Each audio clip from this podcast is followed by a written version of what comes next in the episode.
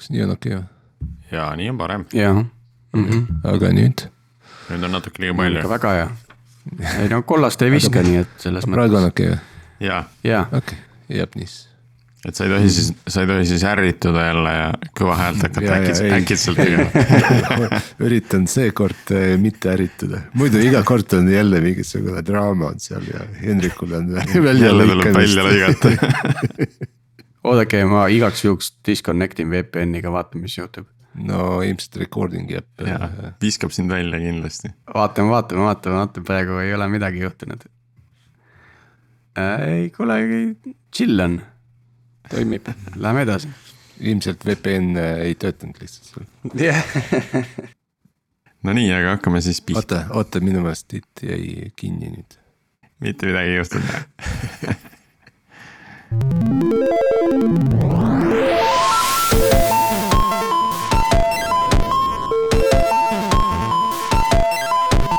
tere taas kuulama Algorütmi, täna on kolmeteistkümnes august. mina olen Priit Liivak Nortalist ja minuga koos on täna salvestamas Tiit Paananen Veriffist ja Sergei Janikin Pipedrive'ist. Täna oleme endale külla kutsunud äh, Martin Salo, äh, rääkimaks ettevõttest nimega Realize, millest äh, ausalt öeldes enne tänase episoodi planeerimist mina isiklikult polnud miskit kuulnudki. aga selle vea parandame tänase episoodiga ära ja saame teada, millega siis tegeletakse. tere, Martin tervist!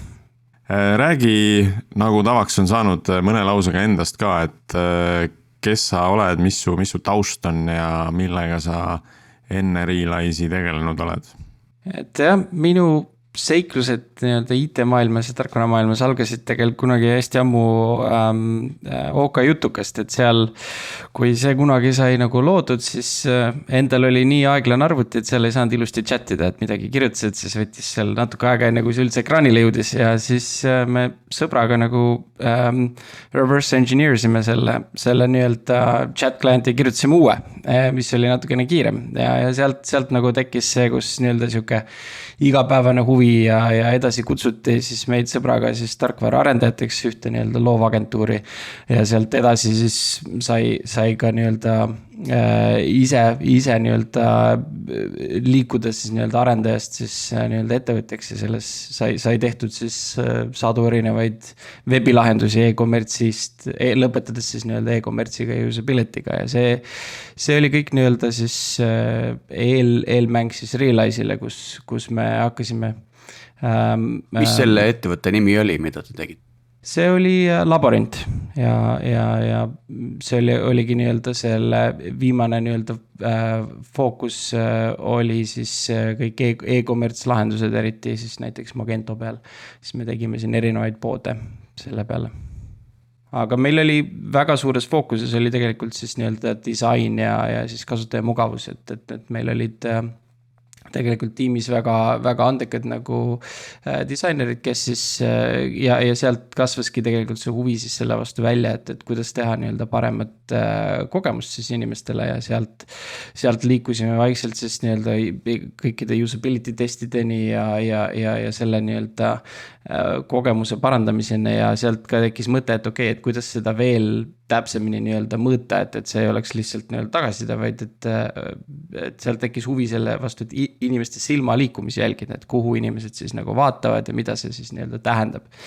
ja sealt tekkiski nagu plaan, et alustada siis äh,, alustada siis äh, eye tracking'u äh, ettevõtlust nii-öelda alguses ja ja täiesti äh, noh ju, juhuslikult ma sain oma co-founder'i Mihkliga kokku, siis äh, oli üks äh, World Usability Day kaks tuhat kaheksa, kus, kus siis mina rääkisin, kuidas me ühe successful või selle eduka nii-öelda selle e-commerce launch'i tegime ja siis Mihkel rääkis sellest, kuidas, kuidas nad esimesi projekte Realize'iga olid teinud. Ja, ja minul oli selleks ajaks juba plaan olemas, et kuidas eye tracking'u, eye tracking'u ettevõtet alustada ja, ja kõik, kõik asjad olid nagu ka koos, nii et me äh, saime väga hästi läbi ja siis alustasime nii-öelda seda planeerimist niimoodi, et istus, istusime põhimõtteliselt järgmine päev maha peale kohtumist ja, ja, ja siis äh, saime juba esimese kliendi, nii et kaksteist tundi peale, peale kohtumist, kes siis nii-öelda seda, seda teenust tarbiks. mis see aastanumber siis oli? et Realize ei ole nüüd jah, et Realize ei ole nüüd üldse väga selline värske veri, verinoor ettevõte, eks, et juba on, mis see üksteist aastat, kaksteist aastat selja taga jah, muidugi loomulikult me nagu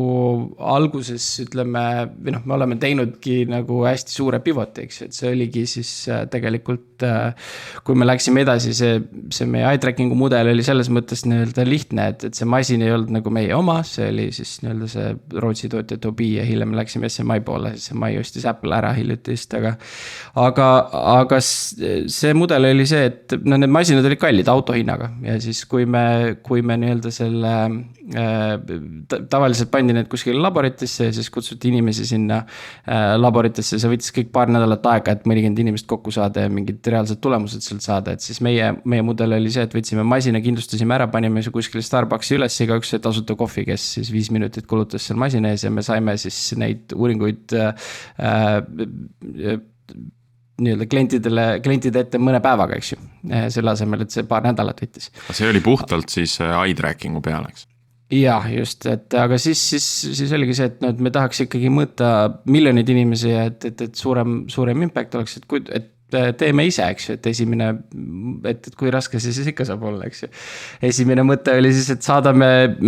noh, seal oli see, et, et, et seda si,, sellel hetkel oli ju veel see computer vision veel suhteliselt lapse kingades, eks ju, ja, ja, ja siis selleks, et see lihtsam oleks, siis olid igast infrapuna, infrapunalambid ja infrapuna, või noh, kaam-, kaamerad, mis siis nii-öelda infrapunal tegid ja me mõtlesime, et noh, et, et, et saadame siis neid erikaameraid seal tuhandetele inimestele kodudesse, et siis nii-öelda seda teha paneel, aga siis mõtlesime, et see on ikkagi liiga vähe, et me tahame üle maailma mõõta ja siis oli okei okay,. proovime kõikide device idega teha, et, et ükskõik mis arvuti või telefon või mis iganes sul on, et, et, et selle pealt see kõik siis nii-öelda töötaks. ja, ja siis äh, kuidas see meil käis, et me hakkasime siis uurima, et äh, millised tiimid üle maailma on, on nii-öelda siis tegelenud sellega et, et, et saada nii-öelda kiirelt see asi käima ja siis äh, ma lugesin päris mitu päeva erinevaid nagu paper eid erinevatest nii-öelda väljaannetest, et, et kes siis, äh, mis tiimid, mis riikides on siis sellega tegelenud, ma võtsin ühendust seal inimestega USA-s ja Inglismaal, erinevate ülikoolidega. ja me lõpuks jäime siis ühe Ungari, Ungari ülikooli peale kes siis, äh, seal oli juba nagu kogemustega tiim olemas ja nad, nemad liikusid nagu kõige kiiremini, et meil oli mõne, äh, mõne ülikooliga siin oli üks email seal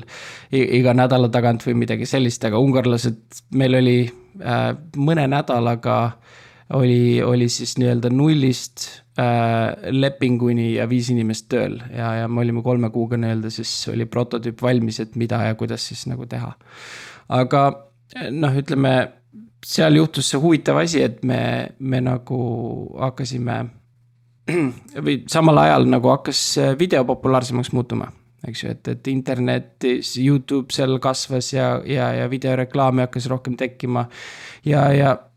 need kliendid, kes siis nii-öelda seda eye tracking'u teenust ennem ostsid, hakkasid küsima, et okei okay,, aga mul on need videoreklaamid, et kas sa nende kohta midagi oskad öelda ja siis. et, et, et noh, et ma, et te ütlete mulle küll, kuhu inimene vaatab, aga, aga et, et, et mis siis, eks ju, et kas nad vaatavad nagu heal viisil või halval viisil, eks ju, ja siis, siis ma hakkasin mõtlema, et okei okay,, et noh, esimene reaktsioon oli küll sellest eye tracking'u maailmas, teeme oma karpi kinni, eks ju, et noh, et silm, silmade pilgutamised ja, ja kõik mingid siuksed asjad, et kas sealt midagi välja lugeda, aga. aga inimese nägu on ju tegelikult nii rikkalik, eks ju, et, et tuleb igasuguseid ilmeid ja.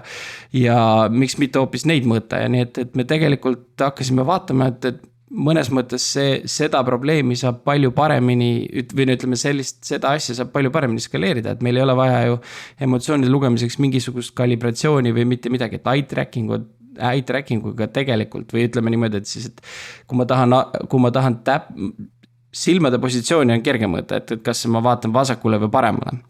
aga et silmade nii-öelda asukohta, et kuhu ma täpselt ekraanil vaatan, selleks on täna siiski ikkagi kalibratsiooni vaja et ma pean mingisugust punktikest seal jälgima. et ütleme, seda probleemi ei ole tänaseni väga hästi ära lahendatud, nii et see, see takistab igasugust nii-öelda sihukest äh, vabakasutust, sa ei, sa ei hakka ju midagi kalibreerima, eks ju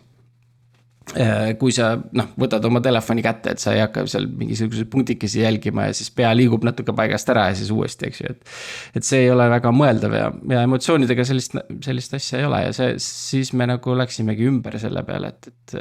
et, et, et hakkame mõõtma siis hoopis reaktsioone videotele. Äh, mõõdame inimese tervet nägu ja nende emotsioone Martin, see oli väga-väga sujuv pikk monoloog, et, et käisid kogu selle ajaloo läbi. ma küsiks siia ju, juurde veel sind puudutava küsimuse, et, et sina oled nagu tehnilise taustaga ja nüüd täna oled, täidad nagu chief product officer'i rolli, et et räägi natuke sellest toote juhtimisest ja selleks vaja, selleks vajalikest oskustest, et, et ma arvan, et järjest rohkem äh, ka arendajad äh, jõuavad mingil hetkel sinna kohta, kus. Ähm, kus nad, äh, nende üks võimalikest karjäärivalikutest tulevikus võib olla toote juhtimisega seotud. jaa, absoluutselt, et ütleme, et täna eriti, kus, kus on ju, on ju ütlus, eks ju, et iga, iga ettevõte on lõpuks tehnoloogiaettevõte, et. et, et tulevikus ma arvan, et seda võib laiendada ka selle peale, et iga ettevõte on lausa ai ettevõte, sest et, et see, see saab osaks nagu väga paljudest tegevustest, mis me teeme ja juba täna on ja toote arenduse mõttes ongi väga oluline aru saada täpselt, et, et, et millist tehnoloogiat on millisel hetkel õige kasutada et noh te, tegelikult hästi oluline on, on siiski mõista, et, et, et ütleme, millised on need äri use case'id ja sealt tehnoloogiani tagasi minna. Ja kui sul kui sa saad aru täpselt, et mis on nii-öelda tehnoloogia võimalused äh, ja, ja piirid, eks ju, äh, siis on sul palju kergem seda nii-öelda ka teha, eks ju, et aru saada, mis, mis asju rakendada, see on nagu hästi, hästi oluline oskus, et kuidas need kaks omavahel nii-öelda kokku viia. Hmm.. kas sa oled näinud tootejuhte, kes on nii-öelda, on tootejuhi rollis ja on siis õppinud nii-öelda tehnoloogia poolt juurde või, või kuidagi saavutanud mingi taseme seal? ma, ma olen näinud, olen näinud tootejuhte või tegelikult meil isegi endal oli, oli vahepeal äh, üks inimene, kes siis nii-öelda ei olnudki väga tehniline. et, et, et ta oli, ütleme Äh, oskas hästi just äh, inimesed tööle panna ja tiime ehitada. et selle, selles mõttes see, see on ka nagu erinev, erinev äh, roll, aga see tähendab, et, et sellisel, sellisel juhul on, on väga palju kanda ka nii-öelda siis tehnilistel tiimliididel, eks ju, kes siis peavad ütleme ütleme, kui sellist inimest äh, sinna rolli võtta, siis see, see nõuab ka, et, et teised inim-, teised nii-öelda siis äh, rollid võtavad ka rohkem enda kanda, eks ju, et see keegi, keegi peab selle tehnilise nii-öelda osa ka ära tegema, et see on, see on,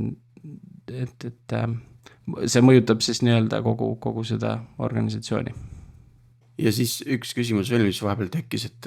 loomulikult läksin Realize'i veebilehele ja sealt paluti mul kohe veebikaamera sisse lülitada mida ma siis ka lubasin.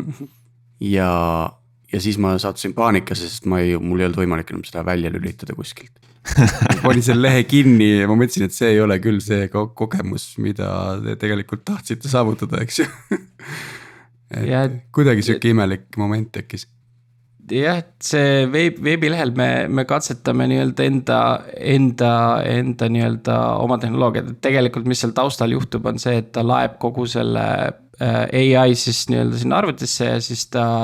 protsessib siis nii-öelda seda, kas sul on tähelepanu ja mis emotsioonid siis nii-öelda selles äh, JavaScriptis endas, et meil ei olegi. et ühtegi pilti kuhugi tegelikult ei saadeta äh, sealt Tiit, sa sattusid ja... vist mingisugusesse A-B testingu sellesse õigesse gruppi, sest nagu minul ei ole ühtegi kaamerat siin, ei, ei küsita ühtegi kaamerat minu käest. päriselt jah ja.? ei, mul ja oli me... täpselt niimoodi, et kaamera oli peal, ma nägin äh, nii, tuled põlevad, mingit feedback'i ma ei saa, kas ei, ka, äh, ma näen oma tuli. pilti kuskil kaamera tuli ikka põleb, sest me, me praegu siin oleme kaameras. ei, ei, ei, see oli enne saadet, ära vaidle okay., see oli enne saadet et ja, ja kerge paanika tekkis, et, et, et oleks ja, huvitav. minu reaktsioon oli see, et leht kinni, pumm oleks huvitav Tiit vaadata pärast äh, kuskil Realize serverist, et mis su emotsiooniks oli mõõdetud siis. ei, ei, Martin just ütles, et data ei lähe serverisse Emot-, emotsioonid lähevad, aga pilt mitte, jah. just, just, okei okay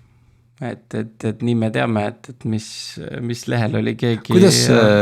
kuidas te väljendate seda emotsiooni nii-öelda datas, et mis, kas seal on lihtsalt numbrid, et sad, mad, curious või, või? põhi, põhimõtteliselt küll jah, et, et, et, et me võtame siis nii-öelda selle, selle pildiseeria, mis seal on ja siis vaatame üle aja, kuidas siis näo nii-öelda erinevad konfiguratsioonid siis muutuvad ja, ja üks. üks põhiline aspekt on tegelikult siis üldse tähelepanu, et see ei ole ainult selles, et kas see on emotsioon, vaid et kas inimene on, on siis fokusseeritud sellele ülesandele, et kas ta vaatab siis meediat või mängib mängu ja, ja kas ta. kas ta siis on süvenenud sinna ja, ja fokusseeritud või ta vaatab ringi või räägib teistega või, või sööb midagi või, või, või, või silmad vajuvad kinni, nagu ta jääks magama või ta haigutab. et ta, ta suudab siis nii-öelda aru saada siis kõikidest nendest erinevatest aspektidest ja siis ta annab meile mõõdiku ja tähelepanu siis nii-öelda nullist, nullist sajani siis üle aja ja, ja ta vaatab, vaatabki siis nii-öelda mitte, mitte ainult nagu igat pilti eraldi, vaid, vaid teeb siis oma järelduse nagu kogu selle pildiseeria pealt kuule, aga ma nüüd eh, jätkan siin selle Devil's Advocate'i mängimist ja provotseerin sind edasi, et eh, see teeb tegelikult saatest huvitavama. et eh, kuidas see nüüd erineb sellest, mida ma näen Ahhaa teaduskeskuses, kui ma sinna lähen, seal on seesama ekraan üleval, näitab minu emotsiooni ära. Ja, ja mingi numbri ka sinna juurde, et ja ma ei tea, kas nüüd see vist on sama, mis on seal Tartus ICV laboratooriumis välja arendatud Äh, mida ma, mul õnnestus ka kord näha, et vist mulle tundus, et on sama programm isegi, et. et kas see, sa oled sellega kursis ja, ja kas see on, kuidas see Realize nüüd sellest erineb, mis on selline tavaline emotsioonituvastus, mida on siin-seal tehtud? No hetkel he,, hetkel ma tänaseni ei ole ise, ise veel äh, ahhaasse jõudnud ja ei tea, mis seal täpselt üleval on, aga. küll aga ma võin öelda, et mis, mis meid erinevaks teeb, et äh, üle, üleüldises aspektis on see, et, et me äh, kuna me alustasime tegelikult suhteliselt vara kogu seda teed, siis meil on kogutud äärmiselt suur dataset, et meil on tänaseks üle kuuesaja kahekümne miljoni label'i mille põhjal siis oma ai-d äh, treenida ja see ja sellega kaasnevad ka kõik siis erinevad dimensioonid ähm,. Äh, näiteks nagu valguse tase äh,, kui palju on nagu, nagu nii-öelda kaetud pea, peapoos ja kõik muud sellised asjad, nii et me oleme tehnoloogia. või ütleme selle treeningu andmete nii-öelda kogumise toolset'i äh, sisse ja, ja sinna protsessi ise oleme väga palju investeerinud. Ja see, see dataseti suurus äh, annabki võimaluse meil äh, nii-öelda selle tuvastuse, emotsioonide ja tähelepanu tuvastuse täpsuses äh, äh, kõiki oma konkurente lüüa, nii et, et selles mõttes, kui me oleme valideerinud äh, selle turuvaldkonna siis nii-öelda tippude vastu, siis meil on päris hea edumaa nende, nende ees. siit tegelikult tulebki välja see, et selle ai ja ML-i nagu suurim väärtus ongi see dataset, mis sul on. Äh, absoluutselt. treenimiseks olemas ja referentsiks kasutada, et, et äh, küsimus selline, kas ähm, seal on ka juba sessioone, kus inimeste nägu on kaetud maskiga. nimelt äh, Veriffis inimesed tulid eh, ennast eh, identifitseerima siis eh, sessiooni kaetud näoga. ja noh, siis meil nagu masinad olid nagu, mis, mis, mis toimub, eks ju, et, et ei osanud midagi ette võtta. meil on selle jaoks lausa eraldi dataset tõesti, et, et, et mis ja kuidas ja, ja mitte ainult see ei ole isegi maskides, vaid Araabia maades öelda ongi, ongi kaetud näod tihtipeale, nii et, et, et see on tegelikult tuttav probleem ja. meie olemegi võtnud siis äh, lausa sellise tee, kus me äh, nii-öelda võimendame oma seda dataset'i, tekitades selliseid äh, kuidas eesti keeles on, katmisi siis kunstlikult. et me katame siis, võtame selle näo keskpaiga ja siis katame kas siis alumise poole, ülemise poole ja erinevatel tasemetel et, et kakskümmend viis protsenti, viiskümmend protsenti, seitsekümmend viis protsenti näost kaetud. ja siis mõõdame, kui hästi me suudame sellega toime tulla. et, et kõik sellised tehnikad on tegelikult äh, väga äh, kasulikud, et seda dataset'i nii-öelda suurendada ja siis äh, ai nii-öelda võimekust siis parandada mind jube, jubedalt äh, huvitab nüüd äh, kogu see tehniline nii-öelda arhitektuur või võimekus, et kui firma tegi nii palju nagu pivote, noh, siin ei saa isegi öelda, et üks pivot, et noh. Teil olid kioskid, on ju, siis te tegite, ma saan aru, veebikaameraga seda silma jälgimist ja siis te hakkasite emotsioone ja. tuvastama, et. kas iga sellise nii-öelda etapi jaoks oli nagu täiesti eraldi tehnoloogia ja arhitektuur või te taaskasutasite mingisuguseid komponente või see ongi nagu üks ja sama, lihtsalt natuke erinevad võib-olla Äh, komponendid äh, teatud kohtades. tehniliselt, tehniliselt on neid äh, pivoteid võib-olla isegi veel rohkem mõnes mõttes olnud, et, et kui me alustasime sellel hetkel, siis ei olnud veel, ütleme, see deep learning äh, nii võimekas või populaarne ka puhtalt arvutusvõimsuse poolest. nii et väga palju oli sihukest klassikalist äh, computer vision'i tööd, kus siis neid äh, feature eid siis käsitsi äh, disainiti, tune iti ja seda pipeline'i kokku pand-, pandi ja seda, seda me alustasime siis nii-öelda C ja C ja siis MATLAB'i seguna oli meil kogu see pipeline, aga loomulikult, kui me kui me nii-öelda, see on siis nii-öelda see, mida meie kutsume siis core vision tech, et see on siis meie seal nii-öelda need algoritmid.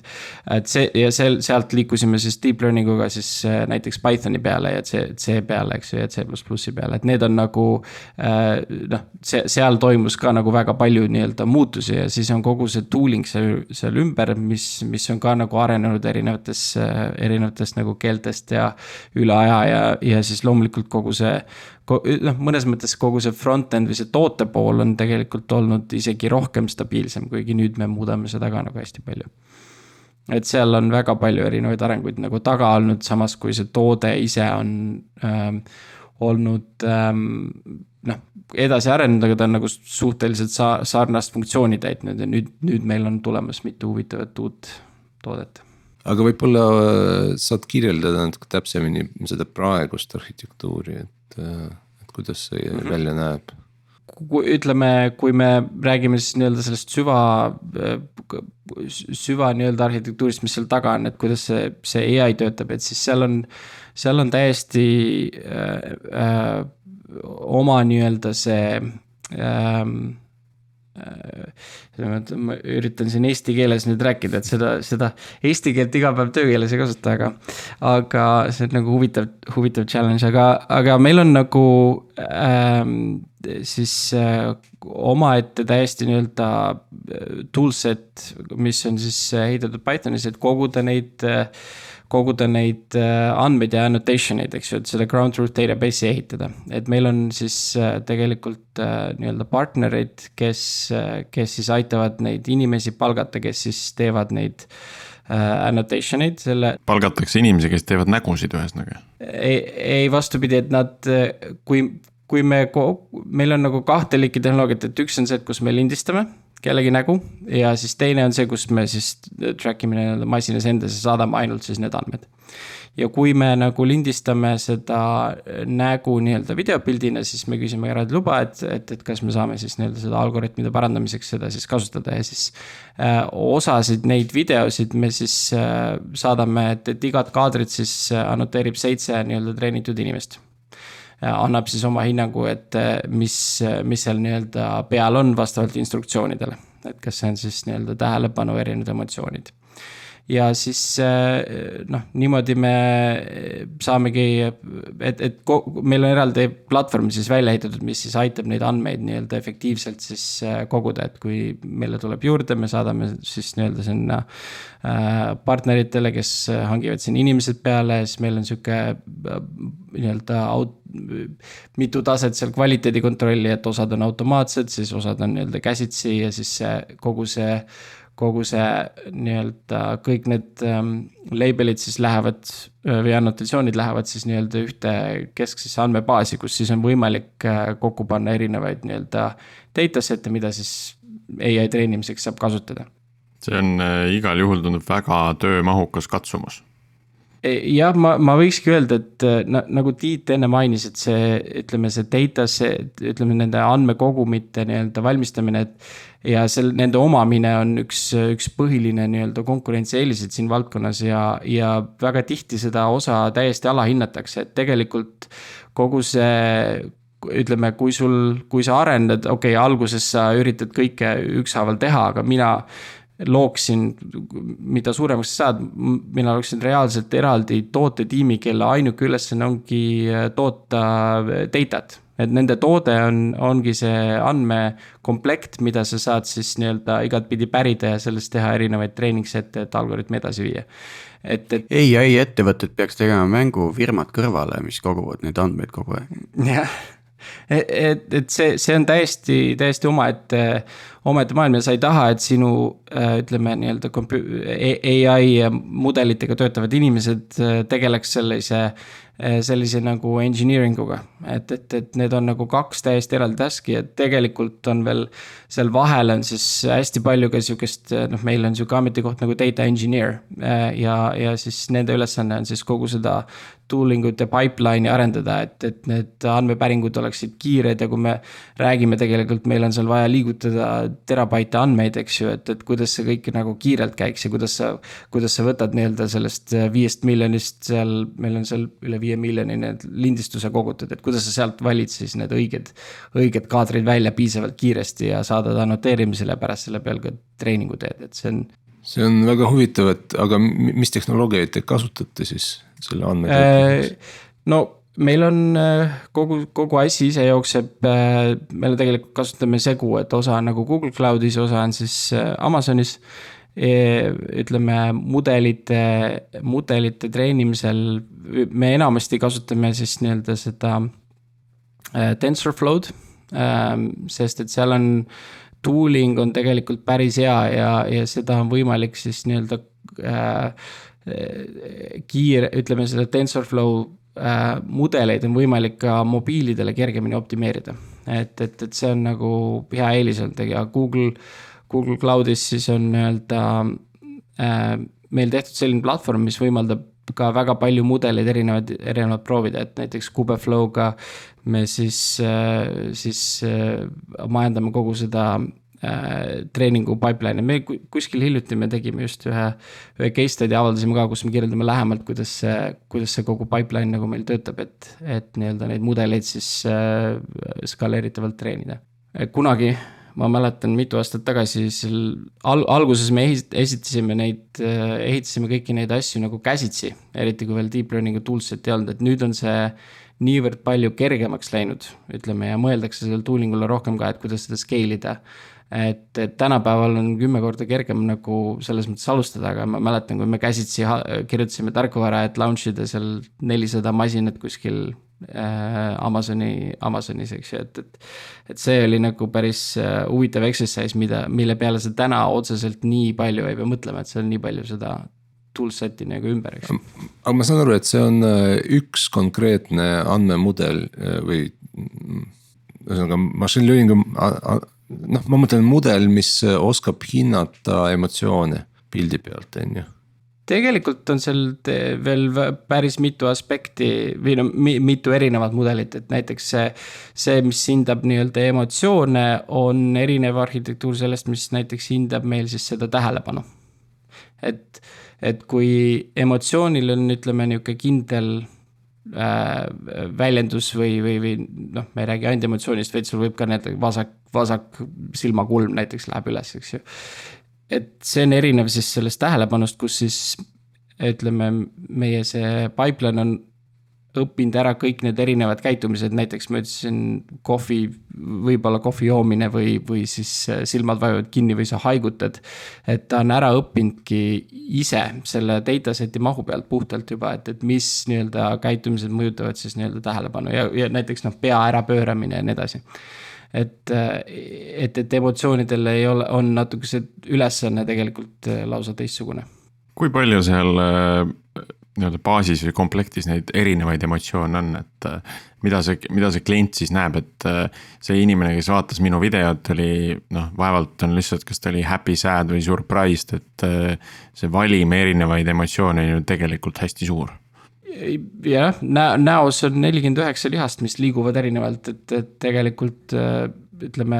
sellest siis tulenevad osad, osad on nagu emotsioonid ja seal on tähelepanu, neid signaale, pea, pea, pea nii-öelda suund ja neid ja, ja kas sa üldse oled nii-öelda seal kohal ekraani peal või mitte. näiteks see on ka veel eraldi probleem, kus me kasutame üldse segmenteerimist.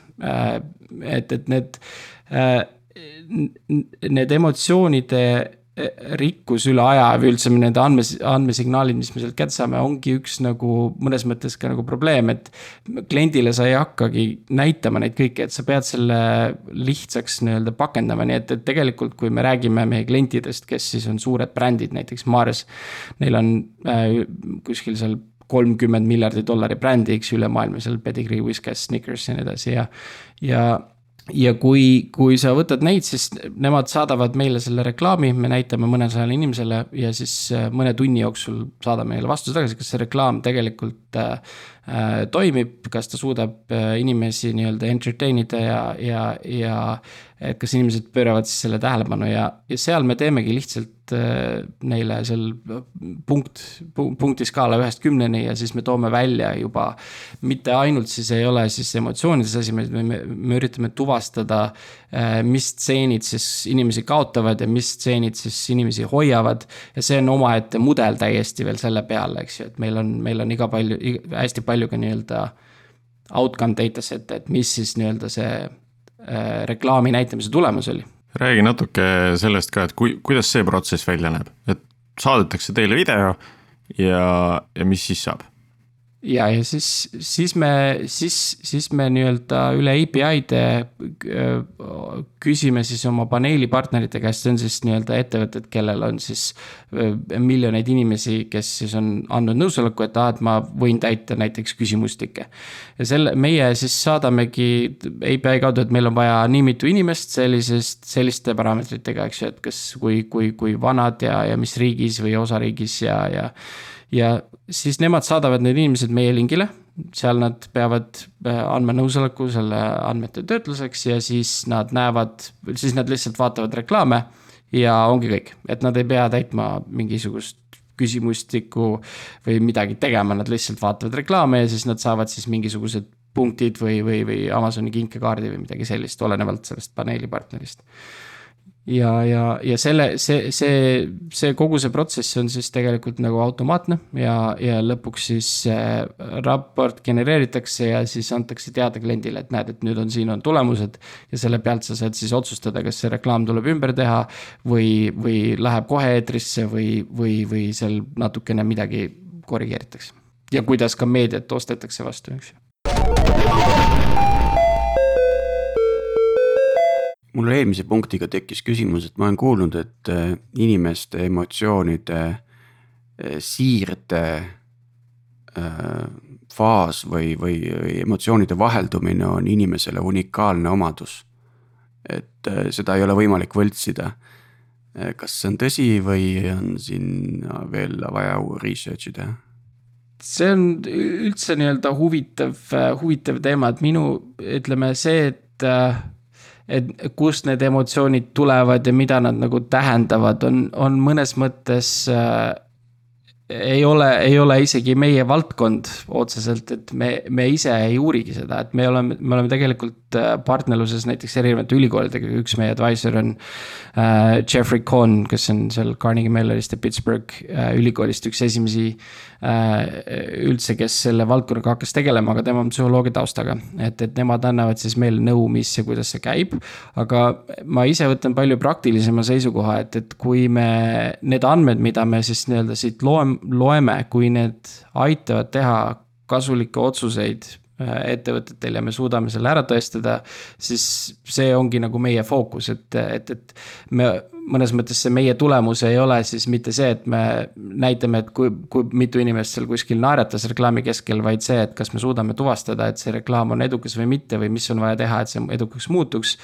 ja, ja kui me suudame tõestada, et me seda, seda ka sellele brändile nii-öelda teeme, siis, siis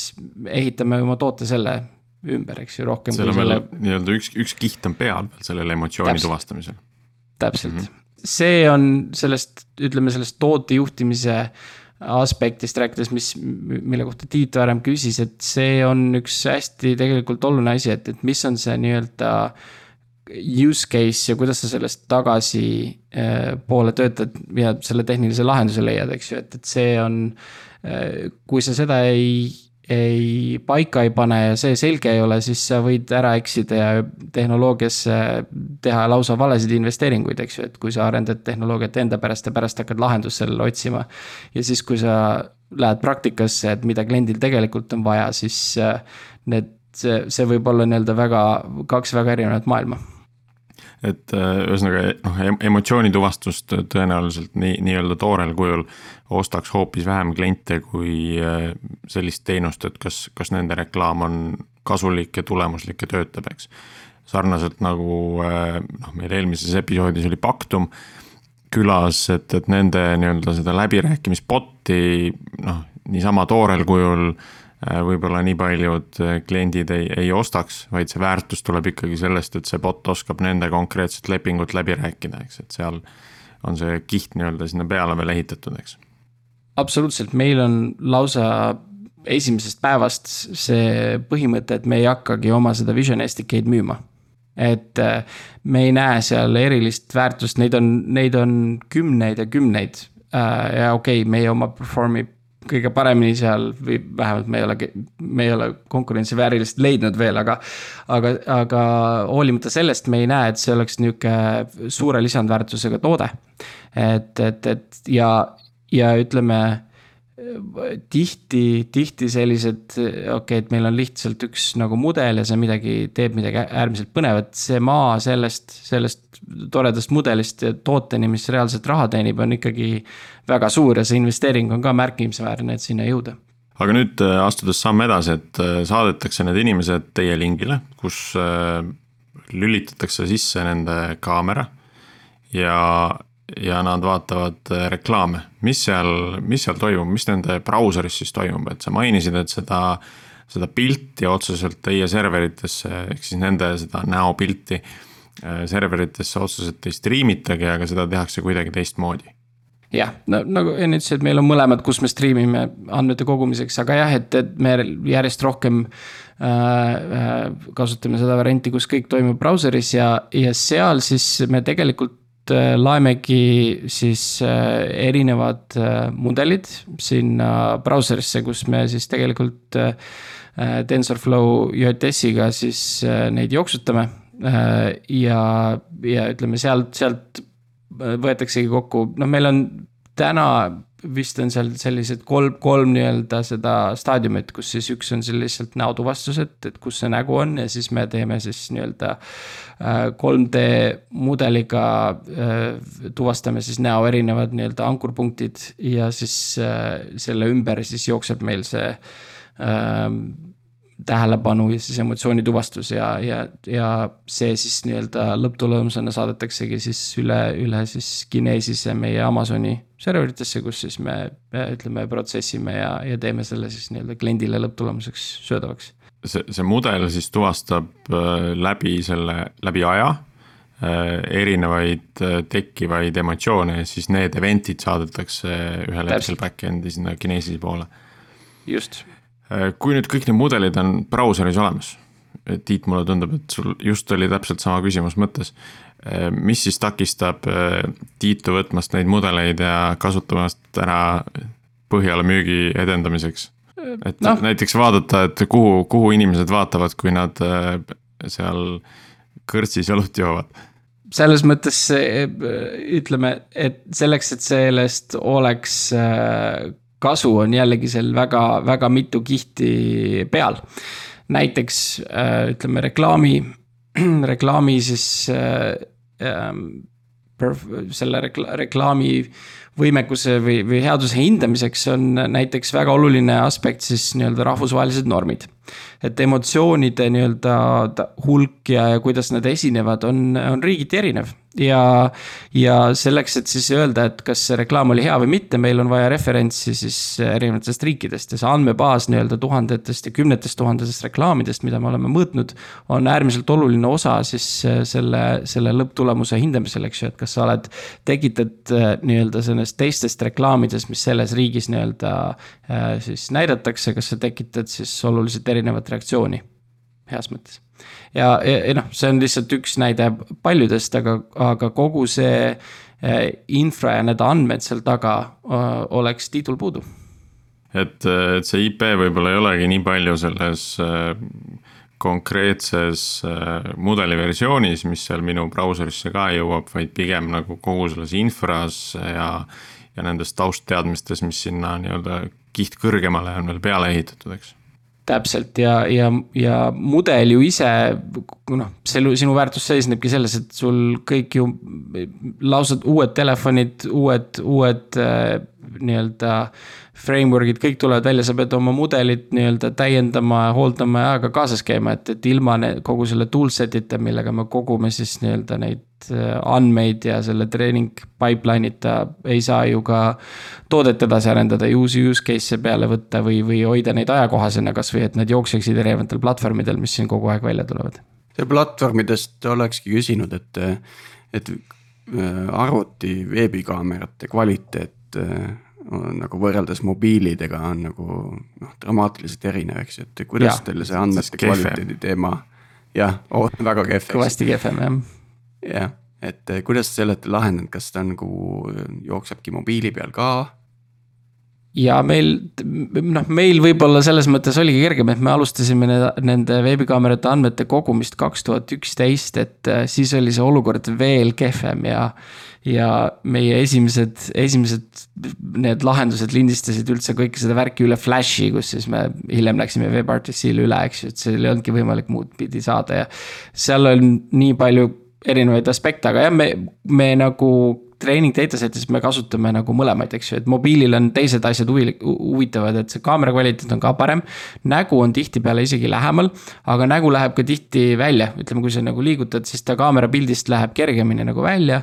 ja, ja seal tulevadki, mis ma ennem rääkisin, eks ju, kõik see occlusion'i ja head, erineva head pose'i andmine, et kui sa annoteerid seda andme, andmekomplekti ja, ja treenid siis need mudeleid, siis sa pead vaatama, et sul oleks igasugustest case idest siis nii-öelda näidiseid seal sees, et lõpuks performance oleks hea ja. me mix ime siis nii-öelda desktopi ja mobiili ja erinevaid occlusion astmeid ja peapöördeid ja kõike, kõike, kõike muud kokku, eks ju, et see, see on täiesti omaette kunst, et sa, ütleme, see on suur töö, et kui sa hakkad seda mudelit ehitama ja treening, kogu see data engineering, mis sul on vaja, et neid, neid nii-öelda andmekomplekte treenimiseks välja valida on, on jällegi väga, väga mahukas ja see, et sa tead, et mi, mis toimib ja mis mitte, kui sa nagu paned nii-öelda kokku neid andmekomplekte, jällegi sul on selles modelleerimises hästi palju nagu, hästi palju nii-öelda tööd ja nuputamist, see ei ole lihtsalt, et viskame pildid sisse ja sealt tuleb midagi head kohe välja. Äh, nüüd äh, seda TensorFlow JS-i sa mainisid ähm, kuidas, kuidas selline asi töötab, et, et kas, kas ta lihtsalt ongi TensorFlow mingi proprietary library, mis suudab siis seda TensorFlow mudelit nii-öelda JavaScripti poole peal parsida. ja, ja kui punaseks see minu CPU ajab, kui see mul brauseris jookseb no tegelikult me jah, et see, see kood ise TensorFlow JS, see on kõik äh, GitHubist nii-öelda igalühel alla laetav ja seda arendataksegi nii-öelda. loomulikult Google'i poolt on väga suured investeeringud, aga samas tuleb ka ütleme väga palju contribution eid sealt äh, väljaspoolt ja, ja ja me võtame jah, kasutame seda library't ja siis äh, nii-öelda oma mudelit siis nii-öelda konverteerime, et seal on veel erinevaid äh,. hästi palju erinevaid nippe äh,, et kuidas seda veel siis optimeerida mobiili ja seal JavaScripti peal jooksmisel, et me tegelikult jooksutame üldse seda eraldi thread'is äh, brauseris ka, nii et ta jookseb sul taustas ja mitte selles põhiveebilehe nii-öelda thread'is ja üritame kasutada igal, igal võimalusel tegelikult veeb GPU-d äh, seal taga niimoodi, et jällegi ta sul CPU-ga ei teeks midagi. Ja me tegelikult jälgime siis ka väga täpselt, et mis äh, ütleme seda latency't, mis front-end'is siis nagu tekitab ja siis ütleme. Throttle ime seda, et kui palju siis me nii-öelda re, re, ressurssi kulutame, et me tõmbame seda ressursikulutust maha, nii et, et. et see sagedus, et, et kui et kui tihedalt me siis nii-öelda seda attention'i ja emotion data't seal detect ime, et seda me siis nii-öelda muudame vastavalt sellele, kuidas siis äh, brauser nii-öelda käitub. et vastavalt et see, sellele, mis masin seal taga on. täpselt, et, et, et sellega on nagu ka parasjagu tööd, tööd olnud, et, et, et seda, äh, seda siis nii-öelda äh, sinna tulemuseni jõuda, kust, kus ta siis nii-öelda ei sega seda brausimist, eks ju ähm, aga noh, mis on hea selle TensorFlow JS-i kasutamisel, eks ju, et, et seda väga palju ka performance improvement eid tuleb sealt. umbes, et, et sa võtad uue versiooni kasutusele, okei okay,, siis sa pead, äh, siin tuleb jälle see mudeli koht. et, et sa pead selle mudeli siis nii-öelda ümber konverteerima või siis, või, või siis uuesti treenima sellele uuele versioonile. vahest on seda vaja teha ja siis noh, see, seda, kui sa selle kiirelt saad ära teha, siis see on tegelikult väga hea, sa saad jällegi tasuta nii-öelda performance improvement eid, eks ju, aga sa pead oma rakendusele ikkagi seda kohandama, eks ju, et sul. sul ongi erinevad keskkonnad, et kui sul on rakendus, mis äh, lihtsalt võib-olla ainuke funktsioon ongi sul emotsiooni lugeda, seda ekraanil näidata noh, siis sul ei ole võib-olla performance muresid, aga näiteks meil, kui me peame sul näitama videosid või sa lausa mängid mängu seal brauseris. ja me peame seda taustal tegema, siis sa pead sinna päris palju nii-öelda äh, lisa engineering ut sisse panema, eks ju, et see kõik sujuvalt töötaks. väga põnev siin äh, seesama automaatne ähm, siis nagu selle kasutatavuse või kasutuse äh, vähendamine, see natuke meenutas meie seda varasemat satelliidi episoodi, et mis ise peab tuvastama, kui ta välja lülitab või kui tal mingisugune probleem on, et ta seda ise teeb siis endale restart'i, sellepärast et noh, keegi seda nuppu ei saa seal vajutada, on ju, et. Äh, et sellised ise optimeerivad süsteemid natukene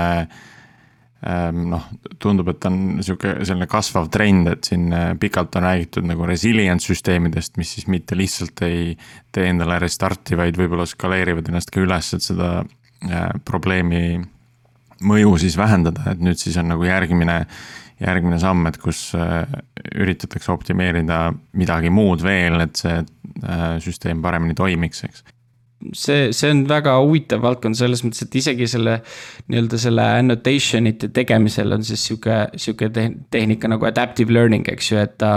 et ta nagu üritab siis äh, aktiivselt siis õppida nende andmete põhjal, mis sisse tuleb, et et, et seda protsessi nii-öelda kiirendada seal taga, taga ka, nii et sa kasutad ai-d juba ai parandamiseks, eks ju, ja nende selle ground truth'i kogumiseks, et see on. see on, seda tuleb järjest juurde, ma arvan, et äh, isegi isegi selliseid nii-öelda, ma arvan, et mitte väga kauges tulevikus näed juba ta, osadel veebi, veebimudelitel, et ütleme, veebi library tel siis äh, võid näha kergeid ai funktsioone juures, äh, mis teevad mingeid otsuseid juba siis väikeste mudelite põhjal, eks ju, et kuidas kasutajakogemust optimeerida selle asemel, et ähm, midagi nii-öelda serverisse, noh, see, see, see latency on nagu hästi oluline, eks ju, et kas, kas ja kuidas sa reageerid ja millal, eks ju äh, interaktiivsete nii-öelda lahenduste osas, et see, see, seal on vaja nagu täitsa teistsuguseid lahendusi ja, ja ütleme. see on nagu huvitav aspekt jah, et, et meie alustasime ju sellest, et jaa, jookseme serveris, eks ju, ja seal ei olnud meil üldse mingeid constraint'e meie. me sättisimegi eesmärgi, et meil peab olema, kuna me tegelesime nende hästi kehvade videotega nagu Tiit mainis, eks ju, desktopi kaamera, need laptop'i ja desktop'ide kaamerad ei olnud väga head. siis meil oligi kvaliteet oluline me, me, me vist läksime lausa nii kaugele, et me protsessisime mingil hetkel ainult mingi üks FPS isegi seal serveris et, et saaks maksimumkvaliteedi kätte ja me vaatasime seal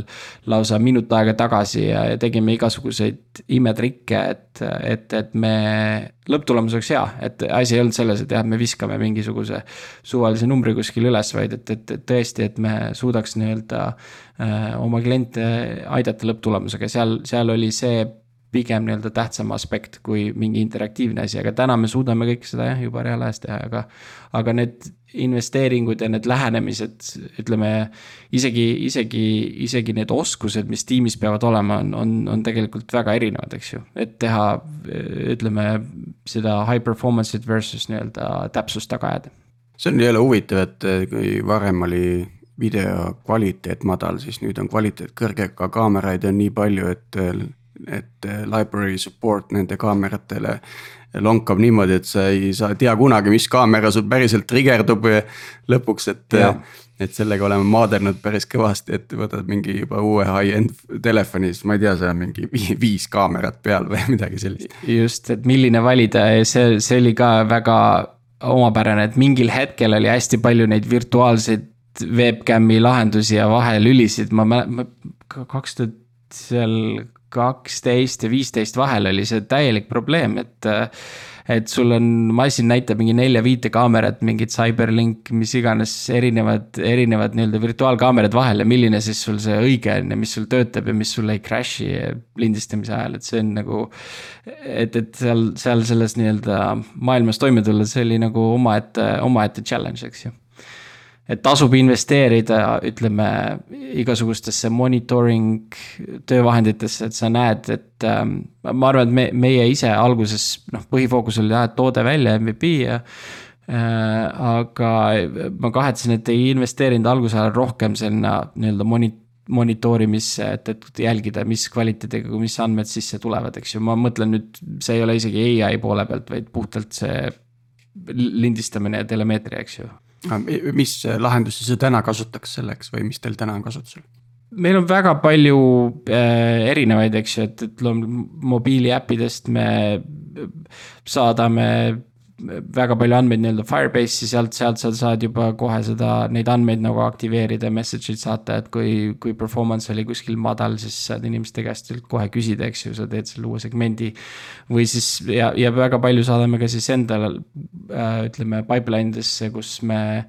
äh,, meil on nagu seal tavalised need noh, mis tavaliselt Kinesisest siis nii-öelda võtame kõik sisse ja siis erinevate, erinevate nii-öelda äh, Äh, Amazoni nii-öelda töövahenditega ja lambda funktsioonidega siis nii-öelda protsessime need ja siis saame rea-, reaalajas nii-öelda siis kohe seda, kohe seda kuvada või alerte, kui on nagu mingid asjad parameetritest liiga kaugel, et. et seal on e-, e-, erinevatel use case idel on erinevad tegelikult toolset'id või lahendused, et seal ei olegi võib-olla nii-öelda ühte, ühte, ühte konkreetset asja, mida ma välja tooks eraldi ma küsiks võib-olla natuke konkurentide või, või üldse teiste nii-öelda use case'ide kohta, et noh, teil on konkreetselt äh, suured kliendid, kes saadavad videosid ja siis te annate tagasisidet, aga noh, ma kujutan ette, et praegu see online maailmas ilmselt äh, enamik inimesi suhtlebki läbi video on ju, mhm. siis mm -hmm. seal ilmselt leidub ka palju rakendust sellele tehnoloogiale, oled sa teadlik mõnedest nii-öelda rakend-, rakendustest. jah, te, te, tegelikult see on, see on hästi huvitav teema, sest et me oleme just äh, tegelikult töötamas siis äh, väga paljude uute toodete kallal, mis on just mõeldud nii-öelda sellele uuele maailmale, kus siis videosuhtlus on, äh, on rohkem teemas, et, et kui me, kui me räägime näiteks kasvõi video, videokõnedest, see, neid ju toimub absoluutselt igas valdkonnas. ütleme, tavaline, tavaline töö tegemine telemeditsiin, eks ju, õppimine ja, ja nii-öelda koolitamine. ja, ja kõikides nendes valdkondades on võimalik tegelikult hästi, hästi huvitavaid nagu stsenaariumeid tekitada, et näiteks äh, ütleme, kui sa oled õpilane ja, ja, ja oled päev otsa erinevates klassides üle, üle video, äh, üle videosilla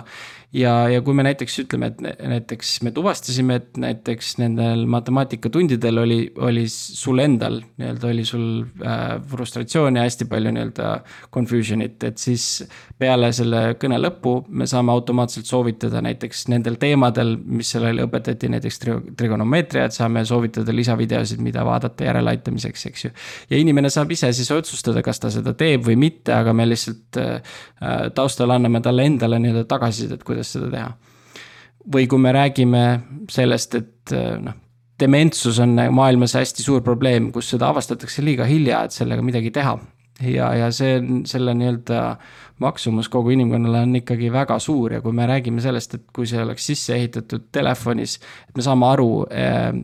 varajastest märkidest, me tuvastaksime seda dementsust mitu aastat varem ja, ja annaksimegi lihtsalt märku, et äh, jällegi, et mitte, et see sul on või, või, või, või ei ole, vaid et mine, mine kontrolli ja räägi arstiga lihtsalt äh, vaata üle. ja, ja, ja kui me suudaks äh, kasvõi mõni protsent seda, seda nii-öelda mõnel protsendil inimestel seda aidata varem tuvastada. Ähm, see parandaks elukvaliteeti tohutult mis muud haigused on võimalik tuvastada niimoodi näoilmest või, või käitumisest? seal on nagu erinevaid rakendusi, aga ütleme selle näiteks ähm, ma, ma arvan, et siin on nagu hästi oluline aspekt on selles ka, et mitte, et kas sa näo ähm,, kuidas öelda, ma arvan, et täna, tänase tehnoloogia nii-öelda taseme juures ma ei soovitakski, et, et me hakkame tuvastama mingeid haigusi või mingeid diagnoose panema, et see oleks täna vale, ma arvan, et et, et õigem on see, et me, kui me kui me tuvastame mingisuguseid märke ja ikkagi professionaal peab andma nagu hinnangu, et nii nagu tegelikult Apple Watch sul ütleb, et sul tuvastab seda äh,, mis eesti keel on see atrial fibrillation, see teeb seda ECG-d, eks ju, seal kella pealt, et siis ta ka ütleb, et näed, et mine näita seda arstile, eks ju, et ta ei pane sulle seda diagnoosi et samamoodi ma arvan, et äh, täna, tänasel hetkel veel ei oleks nagu õige hakata mingisugused diagnostilisi vahendeid lausa isegi välja ehitama, pigem nagu see early detection ja, ja professionaalide poolt ikkagi tuleks kõik asi üle vaadata. Ma tean, et äh, see sõrmus, mis mõõdab kehatemperatuuri, et. auraring euroring, et nemad vist su-, suudavad ka Covidi nähtusi kuidagi ka tuvastada, et huvitav, kas selle näoilmest on see, see ka võimalik? ma arvan, et, et, et kui sa kombineerid seda heli hingamist ja sul on referents nii-öelda olemas ja, ja näo, näo järgi üks asi, mis on tegelikult täiesti võimalik, on lausa sul pulssi võimalik lugeda et, et, et tegelikult need naha, nahatooni muutus on äh, väga nii-öelda, ütleme niimoodi teatud tingimustel, kui sa teatud filtrid peale paned, naha kerge tooni muutus on isegi selle veebikaameraga näha, eriti mobiili peal on, mis, kus on kvaliteetsemad sensorid. et, et kui sa kombineerid need kaks asja, sul hääle referents pluss siis nii-öelda see äh, pulss, ma arvan, et sul on võimalik üldiselt hinnata, et on mingi hingamisteedega raskus küll, jah mulle hüppab kohe selline lie detection nagu siin pähe, et kui see pulss läheb üles, et siis äh, äh, no näoilmetest ka otse loomulikult ilmselt loeb päris paljugi välja. ka kogenud, äh, kogenud inimsilm suudab nagu videopildi peal mingi tõenäosusega pakkuda, et kas sa antud hetkel luiskad või mitte, et rääkimata siis masinast, eks ole Il, ilmselt see on võimalik, aga meie, meie hoiame nendest, nendest stsenaariumitest suure kaarega mööda, et, et me oleme, kusjuures noh rea-, reaalselt, kui me vaatame, et kus me seda rakendada saame, meie fokusseerimegi siis nii-öelda personaalsetele one-on-one äh, stsenaariumitele, kus, kus noh, sina, sina oledki ainuke inimene kaamera ees, et me ei pane seda kuskile tänavale üles, et mõõta sadu inimesi, et see on nagu üks, üks aspekt meie nii-öelda tootearendusest, mis, mis me nagu teeme ja teine, teine on ka, mis ma ennem just mainisin, eks ju, et, et me ei hakka panema hinnanguid indiviidile, et kas, kas temal on, on mingi haigus või mitte või kas ta, kas ta, ma ei tea, õppis hästi või mitte, et, et me, me pigem üritame seda inimest, kes siis seda kasutab, kes kaamera enda ligipääs on, me üritame pigem nagu teda aidata ja anda talle soovitusi ja see on tema kontrolli all või tema otsustada, mis ta selle infoga nagu siis teeb edasi või peale hakkab, eks ju, et see on. ma arvan, väga oluline aspekt, et hoida seda, seda nii-öelda inimeste privaatsust niisiis, tänase episoodi aeg hakkab meil tegelikult otsa lõppema ähm,. Martin, sinuga oli väga põnev äh, vestlus äh, ja küsingi sinu käest, nagu me tavaliselt episoodi lõpus ikka küsin. et äh, millistest teemadest sina tahaksid veel Algorütmis kuulda? See on väga hea küsimus. ma arvan, et üks, ähm, üks osa on tegelikult noh, nagu mina mainisin, et hästi keeruline on navigeerida seda, et kuidas, kuidas sa seda nii-öelda tuvastad siis selle õige nii-öelda ärimudeli ja toote ja kliendi vajadused ja valideerid need vajadused. et, et ütleme, ma arvan, neid teadmisi oleks väga kasulik, kui, kui, kui nendest rohkem räägitakse, et kui ja seda praktikat jagatakse, et kuidas seda tehtakse ja kuidas sa seda tehnoloogiasse siis nii-öelda. kuidas sa seda siis tehnoloogiliselt sellele õige rakenduse või, või, või nagu lahenduse leiad, et see, see aspekt, ma arvan, on, on tegelikult äärmiselt raske ma noh, ütleme leida, leida need õiged use case'id, mis loovad õiget väärtust ja, ja, ja kuidas see nagu klientidega valideerida just, just mitte niimoodi oma kõhutunde või oletuste pealt, vaid, vaid andmetel tuginedes ja, ja nii-öelda klientidega rääkides ja, ja ütleme, mida rohkem seda on, seda paremad tooted meie ümber tekiksid, nii et, et ma ütleks, et see oleks nii-öelda see vald, valdkond, et customer discovery ja, ja validation ja nii-öelda product discovery oleks, oleks nagu need teemad, mis ma arvan, võiksid leida laiemat kajastust. ja see, see on äh, kindlasti üks nendest teemadest, mida on sellise case study äh, näitel üsna, üsna lihtne jagada, et kutsume aina inimesi rääkima enda toodete arendamisest, aga sellisele kontseptuaalse mudeli najal oleks see hoopis kasulikum Äh, kui, kui inimesed saaksid seda teoreetilist tausta rohkem ja õpiksid mingisuguseid äh, meetodeid ja praktikaid selleks, et kuidas seda päriselt nagu välja töötada nii-öelda. just, et, et tihti, tihti öeldakse jah, et, et, et, et on äh, jah, et tee seda, valideeri idee, eks ju, aga mis, mis on need erinevad viisid, et kuidas sa valideerid andmetoodet nagu ma siin mainisin, et sul on see äh,, mis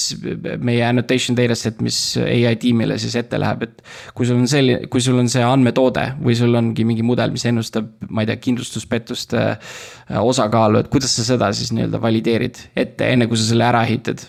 et siin, siin on neid raskeid kohti on just äh,, rasked kohad on just detailides kinni, eks ole äh,. aga Martin, aitäh osalemast, oli väga põnev kuulajatele soovitan endiselt liituda meie Facebooki grupiga, kui on täiendavaid küsimusi Martinile. Äh, kirjutage, kirjutage meile algoritm.geenius.ee või siis äh, kommenteerige äh, siis meie Facebooki grupis antud postitust. ja kuuleme taas järgmisel nädalal